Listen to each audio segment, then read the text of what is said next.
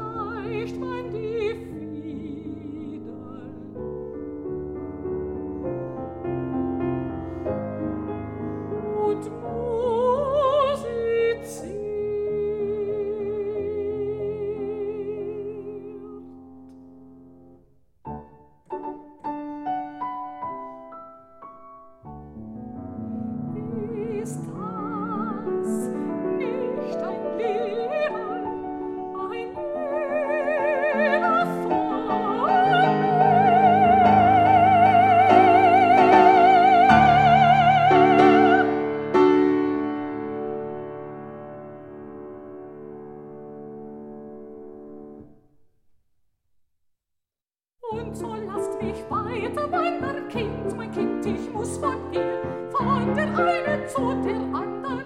Meine Stätte ist nicht hier, ist nicht hier und ist nicht dort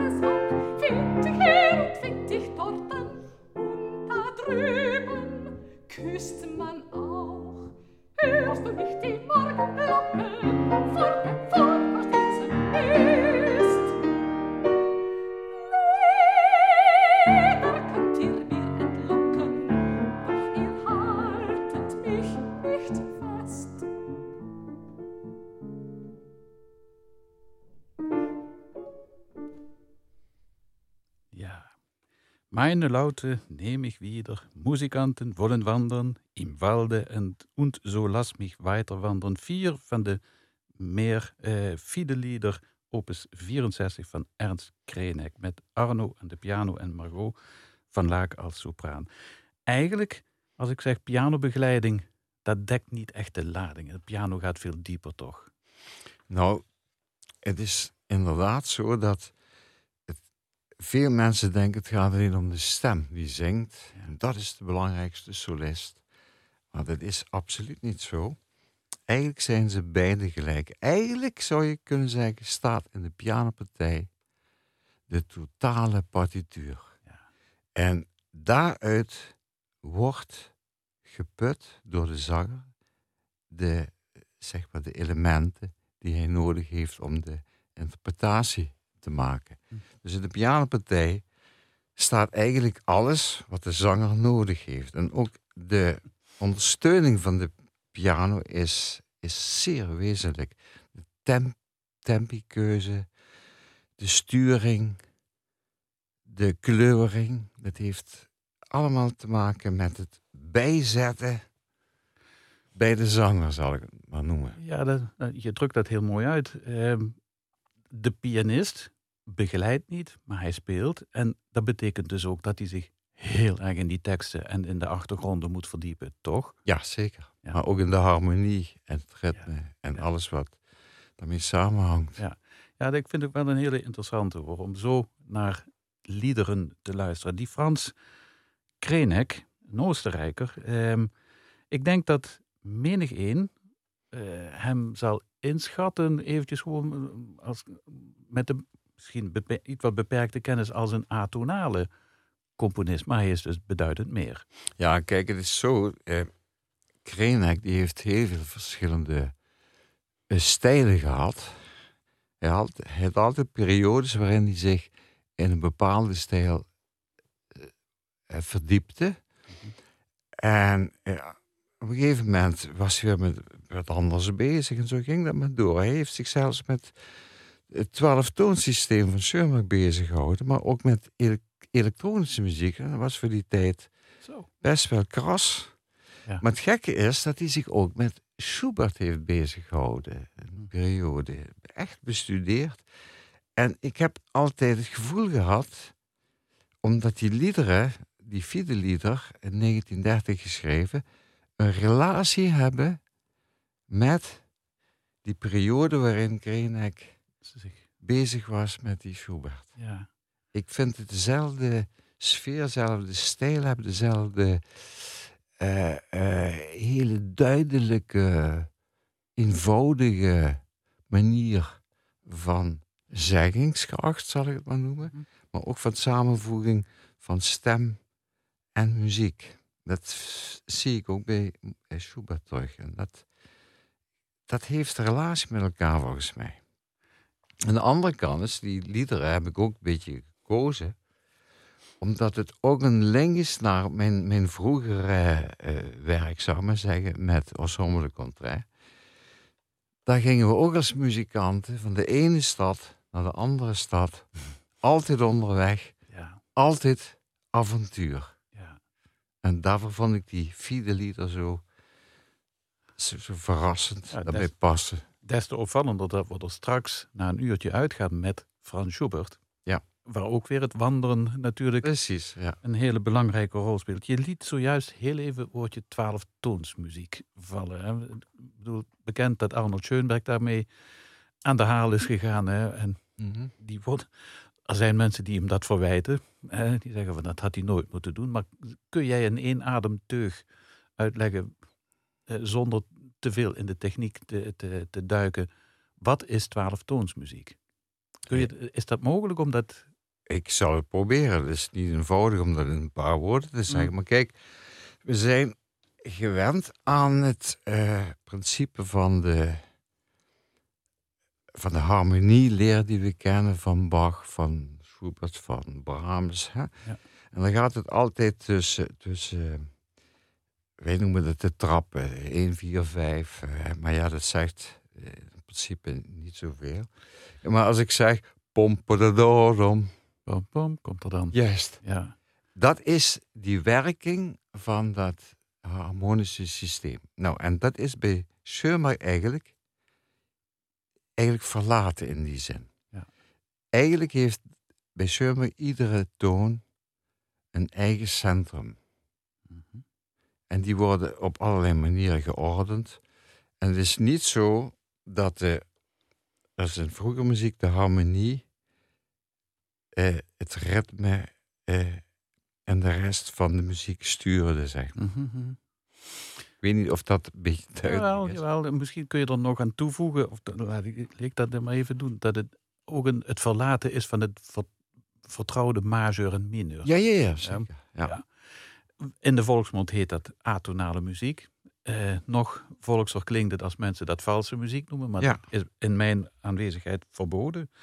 Ehm, maar dan vraag je je toch af, ehm, hoe komt het dat mensen over het algemeen wat minder kiezen voor de twaalftoonsmuziek, terwijl alle andere kunstontwikkelingen van de 20e eeuw veel de mensen zich eerder eigen maken dan muziek. Of het nou literatuur is of beeldende kunst, maar muziek hoor ik, jammer genoeg zeg ik, heel vaak nog altijd, "Hmm, dat raakt mij niet. Ja, dat, ik vind het een heel moeilijke vraag. Kijk, ik kan me voorstellen dat je...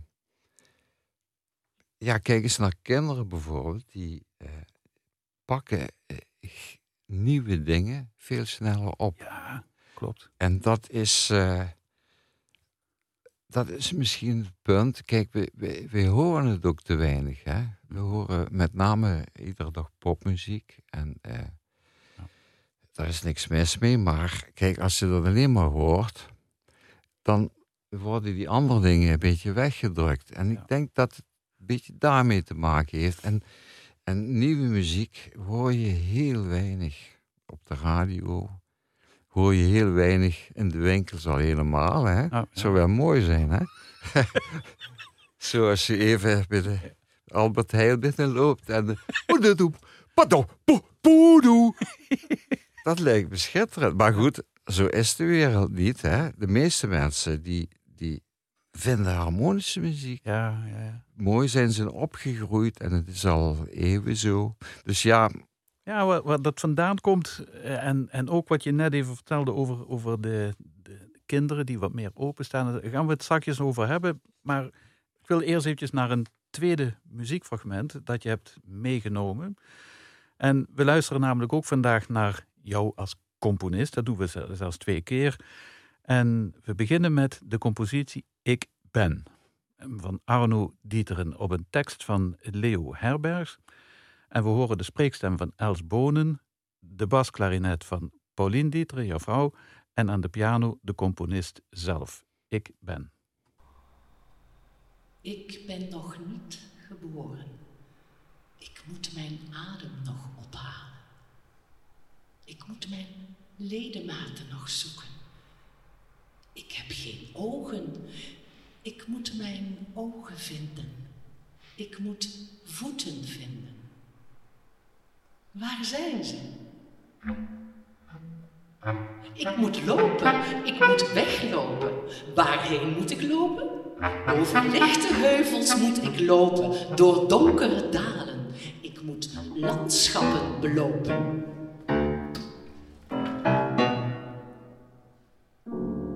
Ik heb nog geen zee gezien. Ik moet naar de zee. Ik heb nog geen wolk gezien. Ik moet naar de wolk. Ik moet nog naar school gaan. Ik moet letters leren. Ik moet nog woorden leren. Ik moet woorden afleren. Ik moet vogels ontmoeten. Paarden, kleine beken, bronwater. Ik moet vechten vinden. Bomen. Mijn geboorte moet ik vinden. Mijn wereld. Ik moet. Welke mensen wil ik ontmoeten? Welke aarde zal ik kiezen? Welke God zal ik kiezen? Ik moet mijn leven kiezen. Ik moet mijzelf kiezen. Wil ik wel geboren worden? Geboren moet ik worden om te weten wat dat is. Om te weten wat dat is, wereld. Ik moet dood ontmoeten. Elders wil ik zijn. Ik wil nergens aanwezig zijn. Ik wil niet wonen. Ik wil niemand zijn. Ik wil iedereen zijn. Ik wil plat op de aarde gaan liggen. Ik wil gaan schreeuwen. Ik wil niet vooraan lopen, ik wil achteruit lopen. Ik wil over paden lopen. Over alle paden wil ik lopen, onder alle bomen. Ik wil in schaduw wonen. Ik wil maan zijn, boven alle schaduwen uit. Ik onderschrijf alles. Ik onderschrijf boven en beneden, boom en wolk onderschrijf ik.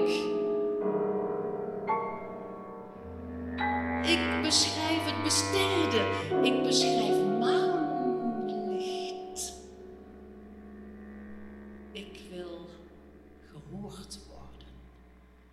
Ik wil verstommen tussen stenen.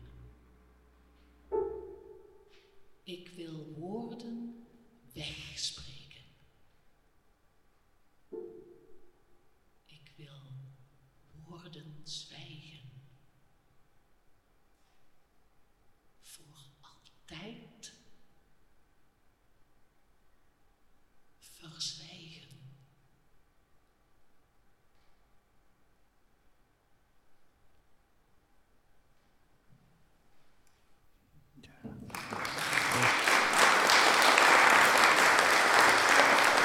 Prachtig, Arno. Ik ben van onze gast Arno Dieter, compositie van Arno Dieter en een tekst van Leo Herbergs. Ik neem aan dat je Leo gekend hebt. Ja, ik heb Leo gekend. En zijn vrouw ook, uiteraard. Mhm. Zijn vrouw leeft nog. Leo is gestorven. Ik heb Leo eh, leren kennen. Eigenlijk toen hij een bepaald jubileum had. Toen werden we uitgenodigd door een kring met Ben van Meelik, die dat organiseerde. En eh, zo heb ik Leo eh, leren kennen. En de volgende keer had hij weer een ju- een jubileum, kwam ik weer bij hem. En eh, dat, op een gegeven moment gingen we taartjes eten in Heerlen. Weet je, een heel leuke man, maar ook een beetje eigenaardige man. Cynische man, een beetje dubbelzinnig figuur, zal ik het maar noemen. Maar dat vond ik wel leuk. En ehm, Pas bij jou. ja, dat past misschien ook wel bij mij. En ik eh, heb, heb die eh, compositie ook geschreven naar aanleiding van een van zijn jubilea. Mhm. Zo is het ontstaan. Ik ben. Ik ben, ja. Hoe, eh, eventjes voordat je misschien een paar dingen daarover vertelt. ehm, hoe reageerde hij op jouw toonzetting? Laat ik het anders zeggen. Je hoort schrijvers wel eens teleurgesteld ehm, eh, reageren als het bij bepaald soort verfilmingen. Of, of wanneer dat in een te commerciële eh, serie wordt Mhm. ondergebracht enzovoort. Hoe heeft Leo Herbergs hierop gereageerd? Nou, eh, ik vond het prachtig Ja, dat we dat deden dus op die manier. voegde iets toe dus. Ja, ja. Mooi.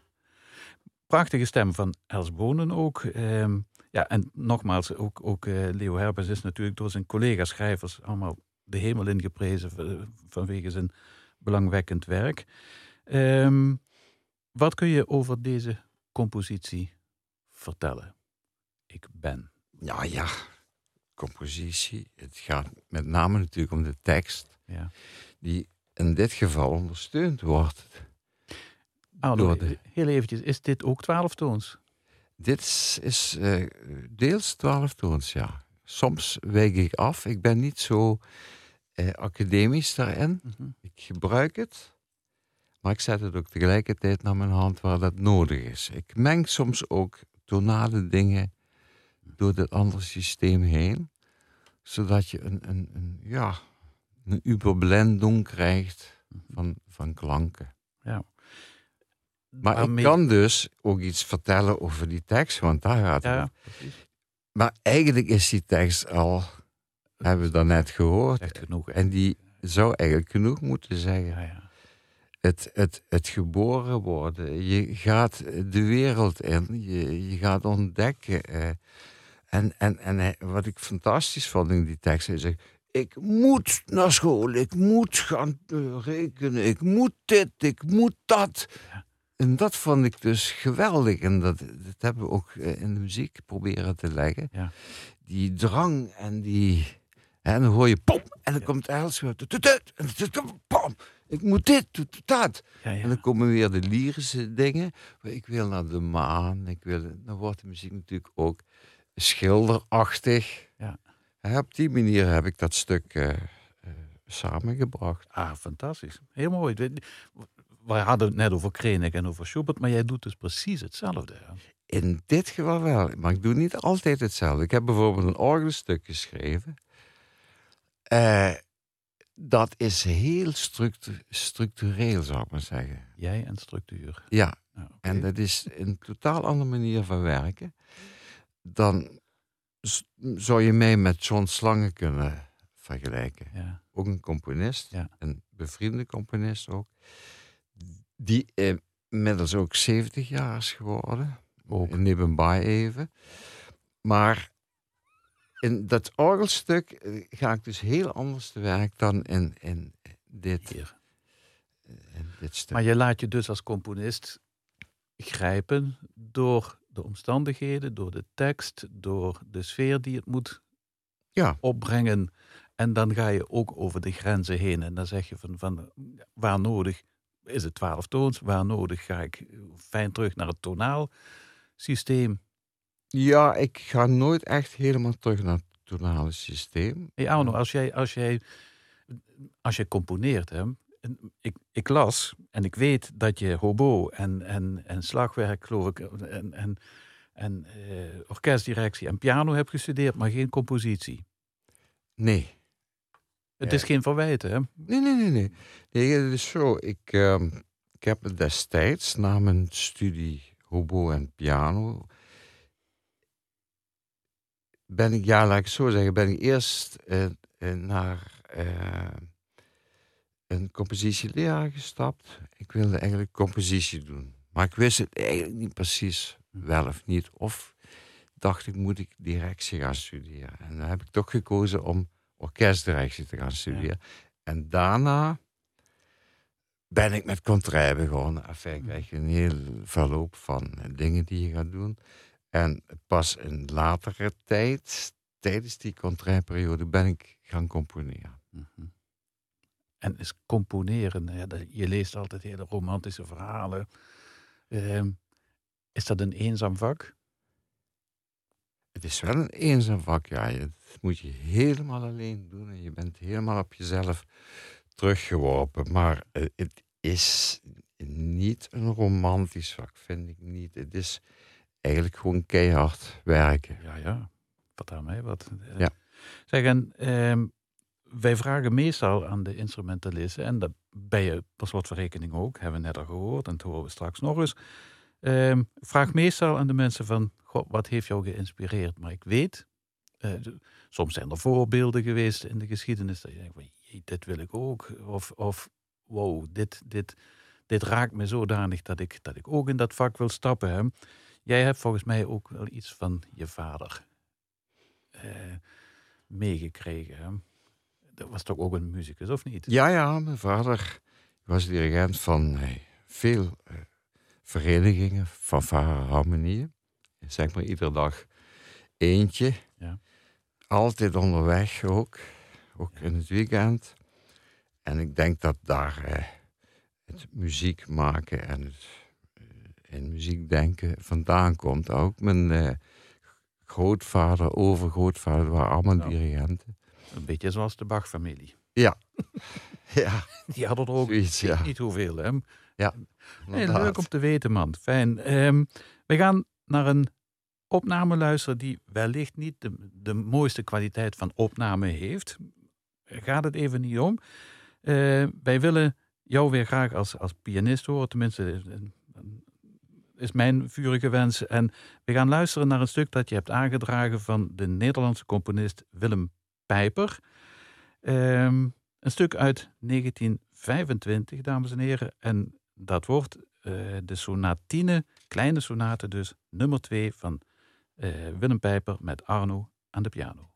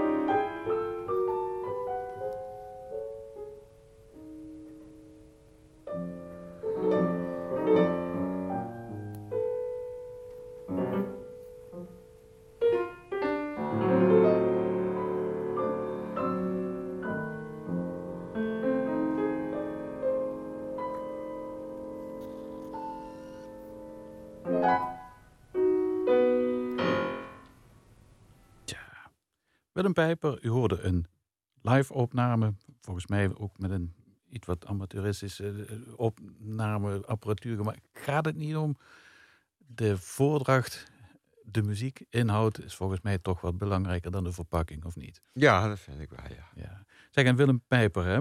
het is een, ik hoorde er een heleboel in en ik zou er volgens mij een hele lezing over kunnen gaan geven, maar dat is niet de bedoeling, dat ga jij doen. Willem Pijper, vertel eens, wat hebben we gehoord?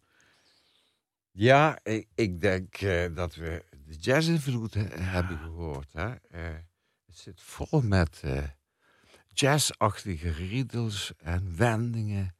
Je hoort ook de invloed van de ragtime. Ja. Dat tada, tada, tada, dat kennen we van.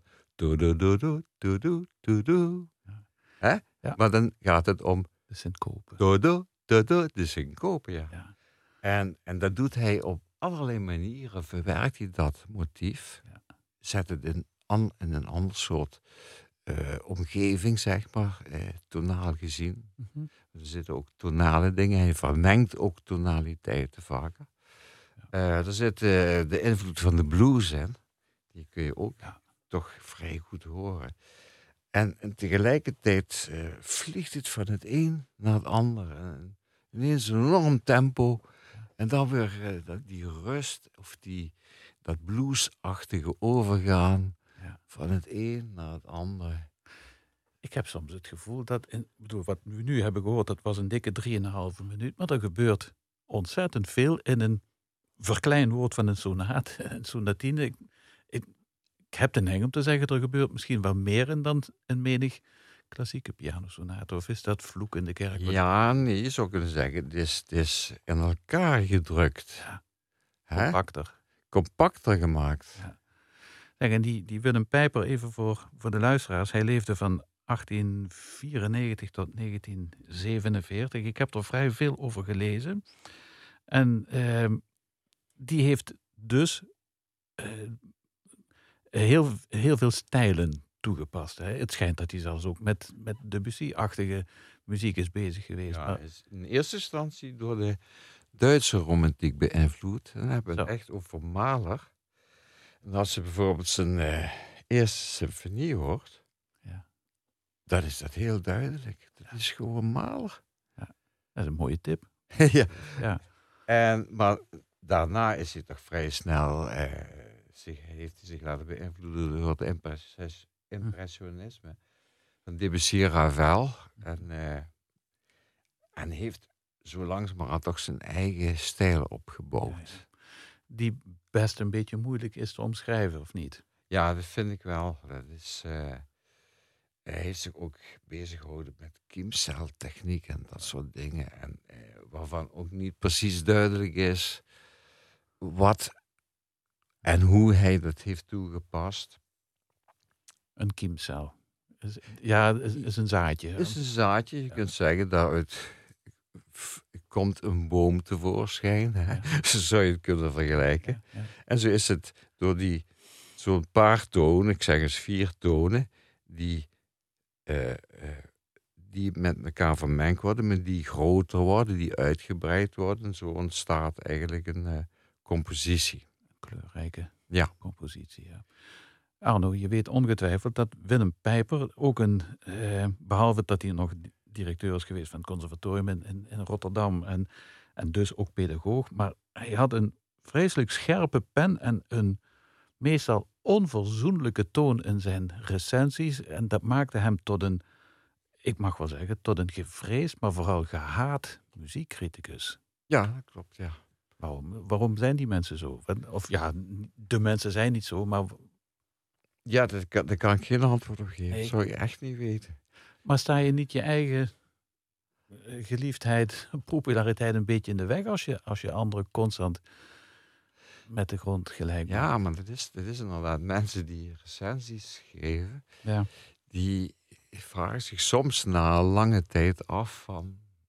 Hm. Ja, wat is dat eigenlijk wat ik doe? Ik, eh, ik zet altijd mensen onder druk en eh, weet ik Ja, wat. ja, ja. Eh, daar kan ik me wel iets bij voorstellen, ja. Ik wil het na jouw volgende fragment, ik hoop dat het allemaal ter sprake komt, nog heel even hebben over wat ik straks ook zei, over de, de, de, de kinderen en, en het ontdekken van, van muziek waar jij eh, veel ervaring mee hebt als, als, als pianodocent. Maar ik kondig ook heel graag eventjes een heel volgend, een, een, een volgend fragment aan. En dat is, zoals je eigenlijk kunt vermoeden, ook weer van een totaal andere orde.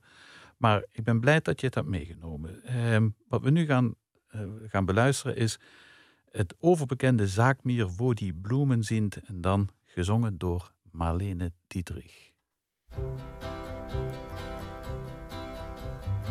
Sag mir, wo die Blumen sind, wo sind sie geblieben? Sag mir, wo die Blumen sind, was ist geschehen? Sag mir, wo die Blumen sind. Mädchen pflückten sie geschwind. Wann wird man je verstehen? Wann wird man je verstehen? Sag mir, wo die Mädchen sind.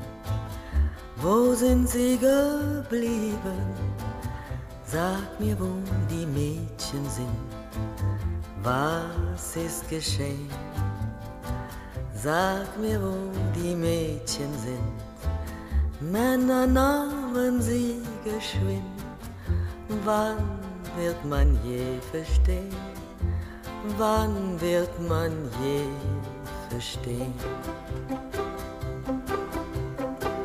Sag mir, wo die Männer sind. Wo sind sie geblieben? Sag mir, wo die Männer sind. Was ist geschehen? Sag mir, wo die Männer sind. Zogen fort, der Krieg beginnt.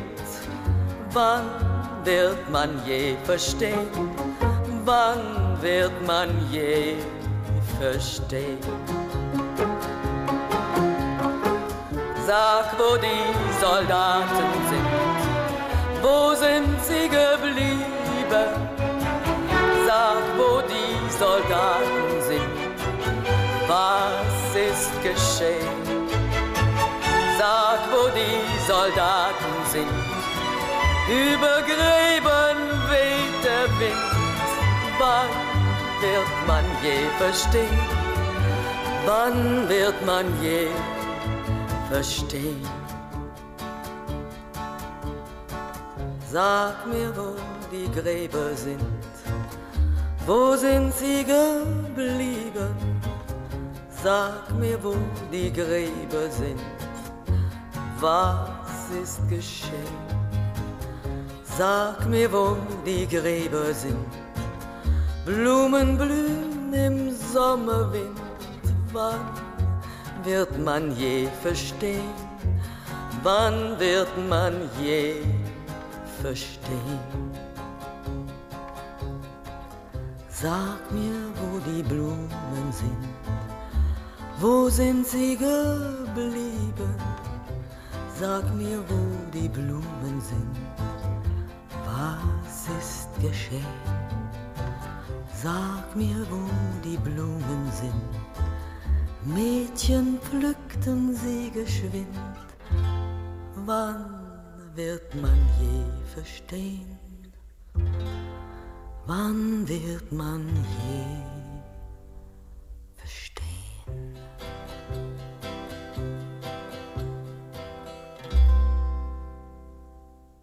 Ja, Jezus, het is toch zo mooi dit. Hè? Het is een prachtig lied, Ja. vind ik ook. Ja. Het heeft bij mij altijd een eh, nostalgische, zeg maar, nostalgisch gevoel roept bij, bij me op. En als kind heb ik het al gehoord. Ik vermoed dat ik toen 12, 13 was. En het heeft me eigenlijk nooit losgelaten. Het is gewoon een prachtig geschreven lied Ja. als je de, de begeleiding hoort, is het eigenlijk bijna vrolijk. Terwijl de stem een echte ja, gevoel van, van, van leed toch Ja. eh, daar overheen zet. ja, het is een anti-oorlogslied. Het is hè. een anti-oorlogslied Ja. en waarin bezongen wordt wat een oorlog aan verdriet achterlaat. Ja. En zij zegt dan uiteindelijk, wanneer zal men dat ooit begrijpen?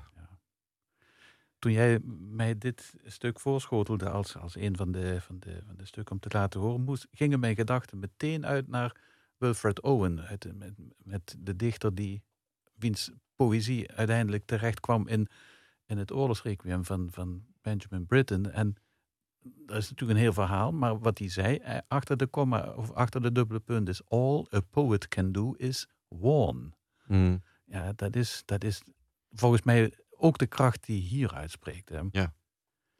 En waarom Marlene Dietrich het stuk heeft, heeft natuurlijk tientallen covers gekregen in de loop der jaren. Het is oorspronkelijk uit, van, van Piet Seeger Ja. en, eh, uit 1955. En Jij eh, vindt je haar stem ook zo ongelooflijk verleidelijk, Marlene. Ik vind die zeker verleidelijk. Ja. Ze zingt dat, het gekke is, ze zingt dat soms een beetje onder de toon, waardoor het een hele bijzondere sfeer krijgt. dan is het dus niet letterlijk zoals we het altijd zouden moeten opvatten in klassieke kringen, 100% zuiver. En, en, eh, maar de, de kracht hiervan is juist dat het dat niet zo is. Ja, precies. Maar dat tegen de toon zingen, dat is dan wel heel bewust, denk ik. Mhm. Het is namelijk niet zoveel dat het vals wordt, Nee, maar het is net dat hangende wat je dan krijgt. Ja. Door een heel klein fractie lager te intoneren. Ja. Eh, eh, waardoor het een heel bijzondere uitstraling krijgt. ja, ik vind, ik vind het heel... Ze heeft dit nummer, hou je vast, in het Duits gezongen, ook in Israël. Hè? Is toch wel enigszins taboe doorbrekend. Ja, absoluut. Is dat wat, wat jij vindt, dus misschien een beetje erg zwaar op de hand, maar is dat waar kunst om begonnen is, om ook de taboes te doorbreken? Zeker, dat speelt een hele grote rol in de kunst. Hè? Ja, Als de kunst er niet is, dan blijft alles eh, zoals het was. Hè? Dus er, er moet altijd iets gebeuren om een vernieuwing, om weer verder te komen. ja. Ja en, en in zoverre vond ik dus die pijper die je straks liet horen ook een voorbeeld daarvan. Het- Het is een beetje tegen draad tussen aanhalingstekens, maar het is vernieuwend. Dat is dit en dat is ook wat we dadelijk gaan horen. Maar ehm, vind je het daarom niet des te jammer, Arno? Ja, dat is misschien wel een, een hele moeilijke, maar dat het accent in de muziekbeleving, we straks al heel even aangestipt, toch hoofdzakelijk een beetje op het amusementsvlak is komen te, te liggen. De- Er Ja, dat is, vind ik is zeker. niks op tegen, denk ik, maar Nee, maar eh, eh, alles is eigenlijk vrijwel amusement. Hè? Mm. Eh, en, en musical, en, eh, daar mag je niks op tegen hebben, maar dat verdringt natuurlijk wel de, de, de andere kunsten eigenlijk een beetje. Hè? Eh, eh, het wordt steeds moeilijker voor, voor mensen om, om iets nieuws te horen. Ja, maar ook de moeite die ze ervoor doen is, is. Maar ook de opvoeding natuurlijk heeft Ja. ook mee te maken. Hè? ja, ja. Zijn er methodes om, om je nieuwe dingen eigen te maken? De- even de vraag aan de pedagoog nu. Hè. Moet een mens zich er zelf toe dwingen? Moet hij zich gewoon eens ertoe verplichten om het nog eens een keertje te horen? Dat is mijn ervaring namelijk ook. Dat ik heel vaak de stukken twee, drie, vier tot tien keer moet horen voordat, ze, voordat het valt. Ja, ik, En- denk, ik denk dat het eh, inderdaad zo is. Eh, je moet er moeite voor doen. Je Ja. moet er echt voor gaan zitten. En dan gaat een poort open, zou ik maar zeggen. Een wereld open. Ja. Die je niet zou vermoeden. Maar dat begint bij het moeite doen. Ja. Gedisciplineerd ergens naar luisteren. Dus net als bij lezen van iets moeilijker boeken. Mhm. Moet je ook eventjes goed voor gaan zitten. Ja, ja prima. Ja, het is ook goed dat je het nog eens een keertje gewoon hardop zegt, want het is belangrijk om dat te doen. Wij gaan naar een volgend fragment, dat is van en met jou. Onder andere eh, een compositie eh, waar je ons daarna eh, het, het nadere van, van gaat uitleggen. Je hebt dit gespeeld tijdens, een première gebracht tijdens Cultura Nova afgelopen zomer. Ja, en vooral in, eh in Heerlen, in, het, in, in de kapel van Park Imsterade. Ik heb het over de muziek, theaterproductie Wit Water. En het onderdeel wat u gaat horen is Schoonheid, Prinses van het Licht. Met, met spreekstemmen, onder andere van Els Bonen en Ben van Melik. Ik wil ook toch eh, even benadrukken: Guus Gijs op altviool, Paulien op klarinet en Arno eh, op piano. Wit Water.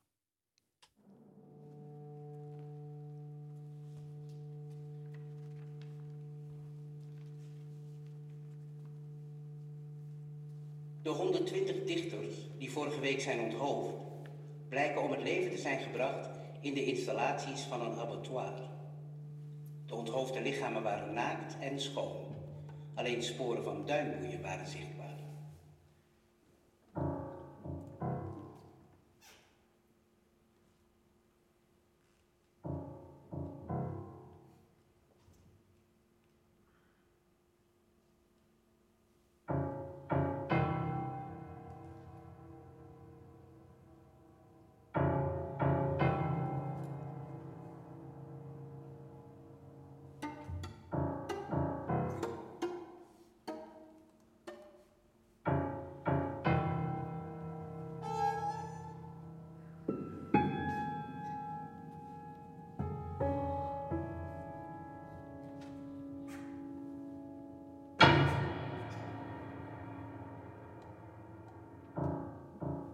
Glinsterende kelen, Mika gehemelte, aluminium slapen, schoongespoeld, schoongespoeld.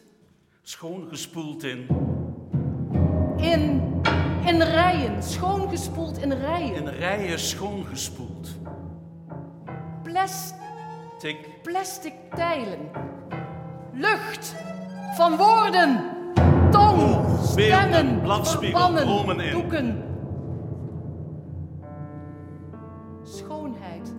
Prinses van het licht, gezegende verbeelding, heel de verminkten, reinigt de ontroostbaren.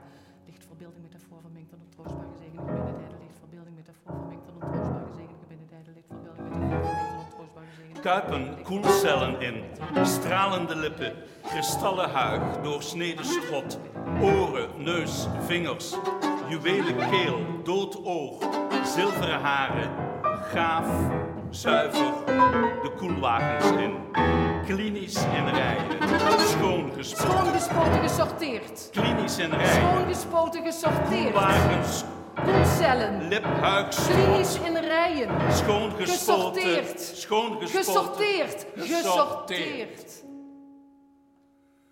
Keizerin van het licht. Godin van luchten. Stijgen mijn gebed op als een reukoffer voor uw aanschijn.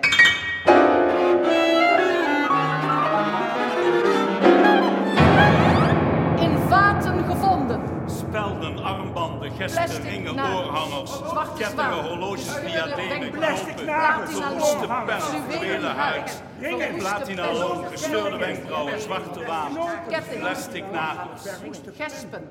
Fluwelen huid, zwarte zwaan. verkleumd blauw beest, druipnat van dauw des doods.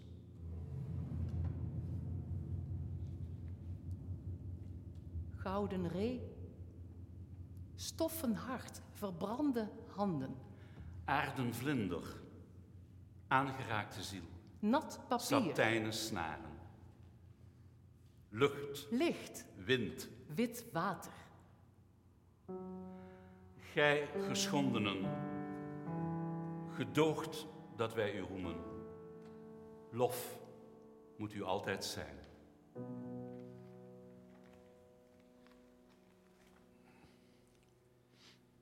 Mooi. Witwater, Schoonheid, Prinses van het Licht. Zeer recente opname van alleen. Ehm, dit is poly, polytextueel, geloof ik. Hè? Ja, ja. Vertel eens eventjes, wat is het? Het stemmen gaan, eh, meerdere stemmen, dus die gaan echt door elkaar en met elkaar. Ook de instrumenten doen mee. Alfio, klarinet, piano, maar allemaal bijvoorbeeld na een, bepaalde, bepaald woord komt er een, een, instrument. Dus de timing van dit stuk was niet zo eenvoudig voor de, sprekers om dat precies in de muziek op de millimeter te zetten. Eh, maar dat moet wel de spanning eh, op een veroorzaken. Dus dat, dat heen en weer. En dat, ja, het gaat natuurlijk over eh, heel bizarre verschrikkingen eigenlijk. Wat ze daar allemaal meemaken, wat ze vinden. Want het, het gaat eigenlijk om eh, onthoofde lichamen die in een abattoir zijn gevonden, in dit geval. En daar stukjes allemaal van kun je iets van, van voorstellen. Hè? En eh, dat heb ik allemaal samengebracht in één muziekstuk. En dit is de voorstelling inderdaad, Wit Water. Het is gebaseerd op een tekst van Ben van Meelik. En de regie is gedaan door Els Bonen.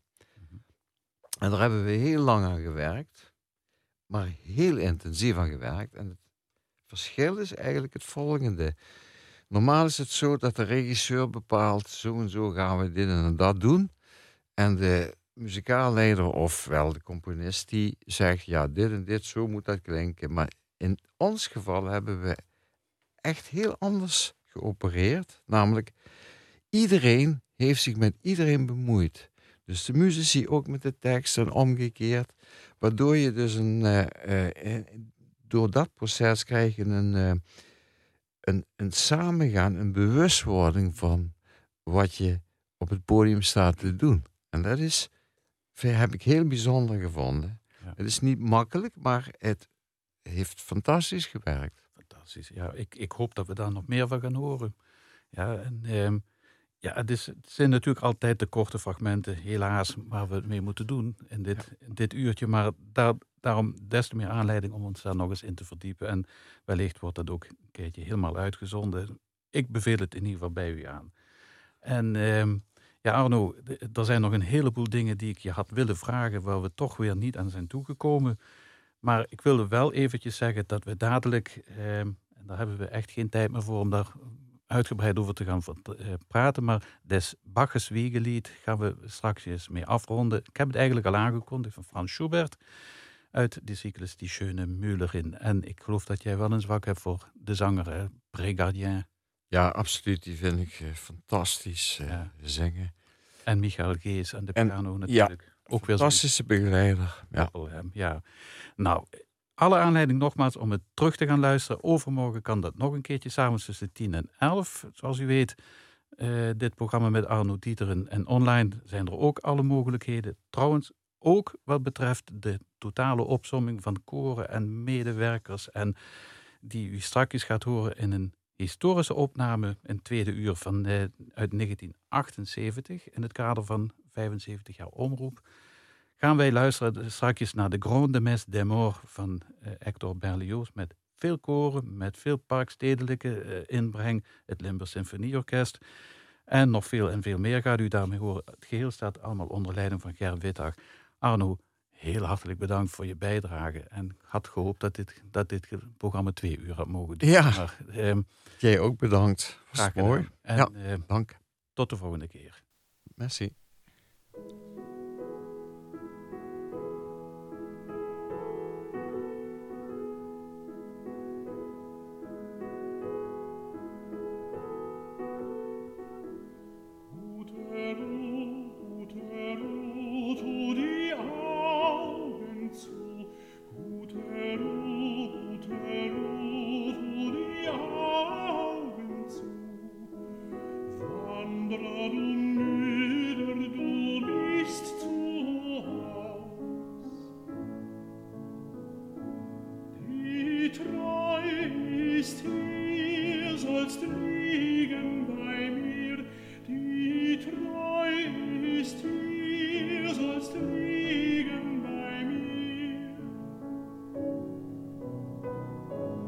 ist das Meer.